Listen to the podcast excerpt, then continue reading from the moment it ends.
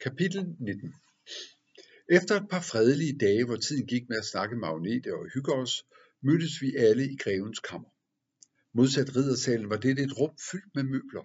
Stole, borde, sågar senge stod derinde, og en stor kamin prydede endevæggen. Selv her på en lun forårsaften brændte en knitrende ild. Der lugtede også mærkeligt, som om mange mennesker havde sovet derinde, og især en generende lugt af hmm, øh, toiletdufte prægede atmosfæren. Vi fandt senere ud af, at der faktisk var indrettet et toilet tæt ved, og at man endnu ikke havde opfundet den lukkede kloak. Hver gang en af slottets beboere besørgede på toilettet, som man kaldte hemmeligheden, blev efterladenskaberne blot liggende, hvor de udviklede sig naturligt, mens de afgav den for dem så karakteristiske odør. Greven fortalte, at dette rum var slottets dagligstue for ham, hans familie og besøgende. Riddersalen blev udelukkende brugt til fester eller fornemme gæsters besøg. Der var endnu en dagligstue i slottet, borgerstuen, men den var kun for krigskale og de andre jævne folk, der havde deres gang på slottet, og der skulle vi ikke gå ned. Det var ikke et sted for os. Vi satte os omkring det store bord midt i rummet og undersøgte nøje nøglen, som Jens havde fundet. Den var stor og ikke særlig slidt, men det tror pokker. Nu har vi den første af de tre nøgler, som vi behøver for at kunne trænge ind i baron, øh, baron Teufels brevkammer. Det siges, at den ene nøgle leder til den næste og hvis I ser nøje på nøglen, vil I se, at der er ridset et hus i nøglen. Det hus kan kun hentyde til et bestemt hus, der er kendt for sin uhygge.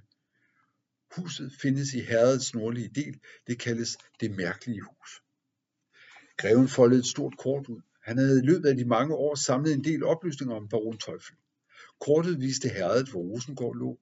Sine steder var det mangelfuldt, men de vigtigste byer var på. Nordpå lå der en by ved navn Vildsager, og det var i denne by, at det mærkelige hus lå. Det siges om huset, at man kan komme ind, men ikke ud. Alle, der har forsøgt at udforske huset, er enten forsvundet eller har mistet forstanden. Ingen ved, hvilke hemmeligheder huset gemmer på. Selv ikke jeg. Hvis I har mod på at friste skæbnen endnu en gang, drenge, kan jeg ikke hjælpe jer ret meget, for jeg ved ikke, hvad I vil møde derinde. Greven så alvorligt på os. I har jeres fulde frihed til at sige fra, og ingen, mindst af alle mig, vil holde det imod jer.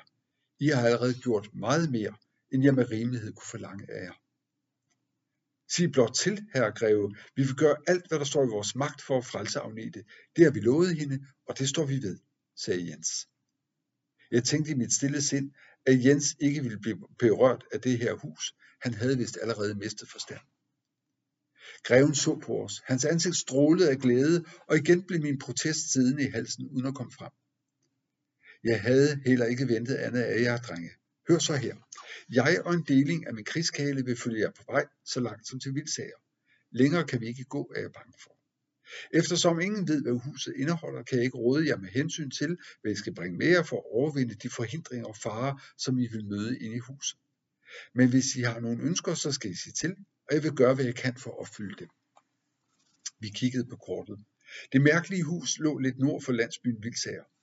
På kortet var det markeret med et umiskendeligt tegn på død, nemlig et dødningehoved og en nar. Advarslen var tydelig. Kun et fæ ville trænge ind i det hus. Fire dage tog det også at komme til Vildsager, og min bag og min lår var så ømme, at jeg mere vraltede end gik, når jeg steg af hesten. Jeg var lettet, da vi omsider på fjerdagen nåede landsbyen og søgte ind på den beskedne kro, der lå midt i byen.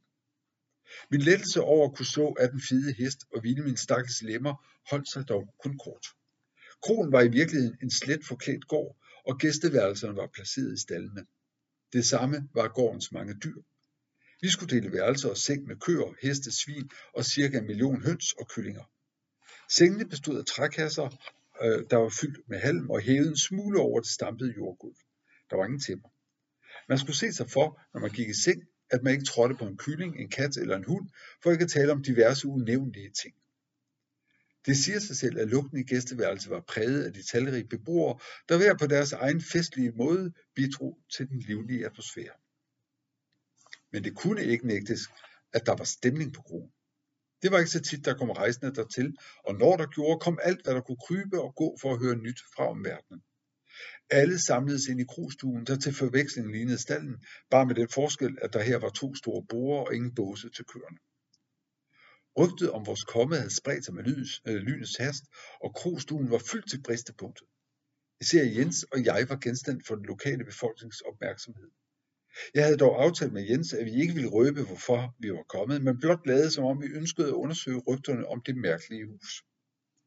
Gå ikke derind, gå ikke derind, hvis I har jeres liv kært, sagde en gammel næsefar og rystede på sit hoved, så hans lange hvide skæg bævrede. Min bedstefars bror svor en aften, hvor han havde kigget for dybt i brændevisdunken og ville imponere sine naboer, at han ville gå ind i huset. Han forsvandt, forsvandt derind, og da han kom ud igen, havde han mistet forstanden. Resten af sit liv vandrede han rundt om natten og råbte og skreg, men ingen forstod, hvad han sagde. Den gamle sænkede stemmen. Og der er dem, der siger, at de har set ham på kirkegården som en hvileløs ånd. Den gamle slog korsets tegn for sig. Det var signalet til alle om at fortælle de historier, man kendte om huset. Ingen af dem lød opmuntrende. Jeg besluttede at gå i seng, men godnat til de højrystede bønder rejste jeg mig og gik.